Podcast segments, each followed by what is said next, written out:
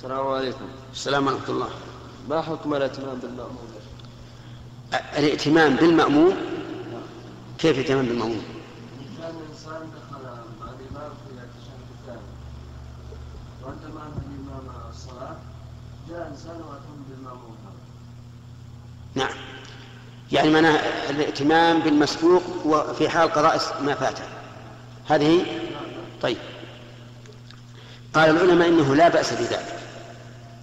فينتقل هذا المأموم من من من ائتمام إلى إمامة. لكن مع هذا لا ننصح في ذلك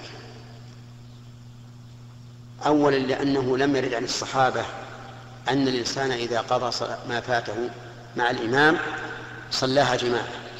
وثانيا أن بعض العلماء قال إن هذا لا يصح. فتجنب هذا من باب الاحتياط. الداخل في قول الرسول عليه الصلاة والسلام دع ما يريبك إلى ما يريبك وفي قوله من اتقى الشبهات فقد استبرأ لدينه وعرضه فلا ينبغي فعله حتى وإن قيل بالجواز. نعم.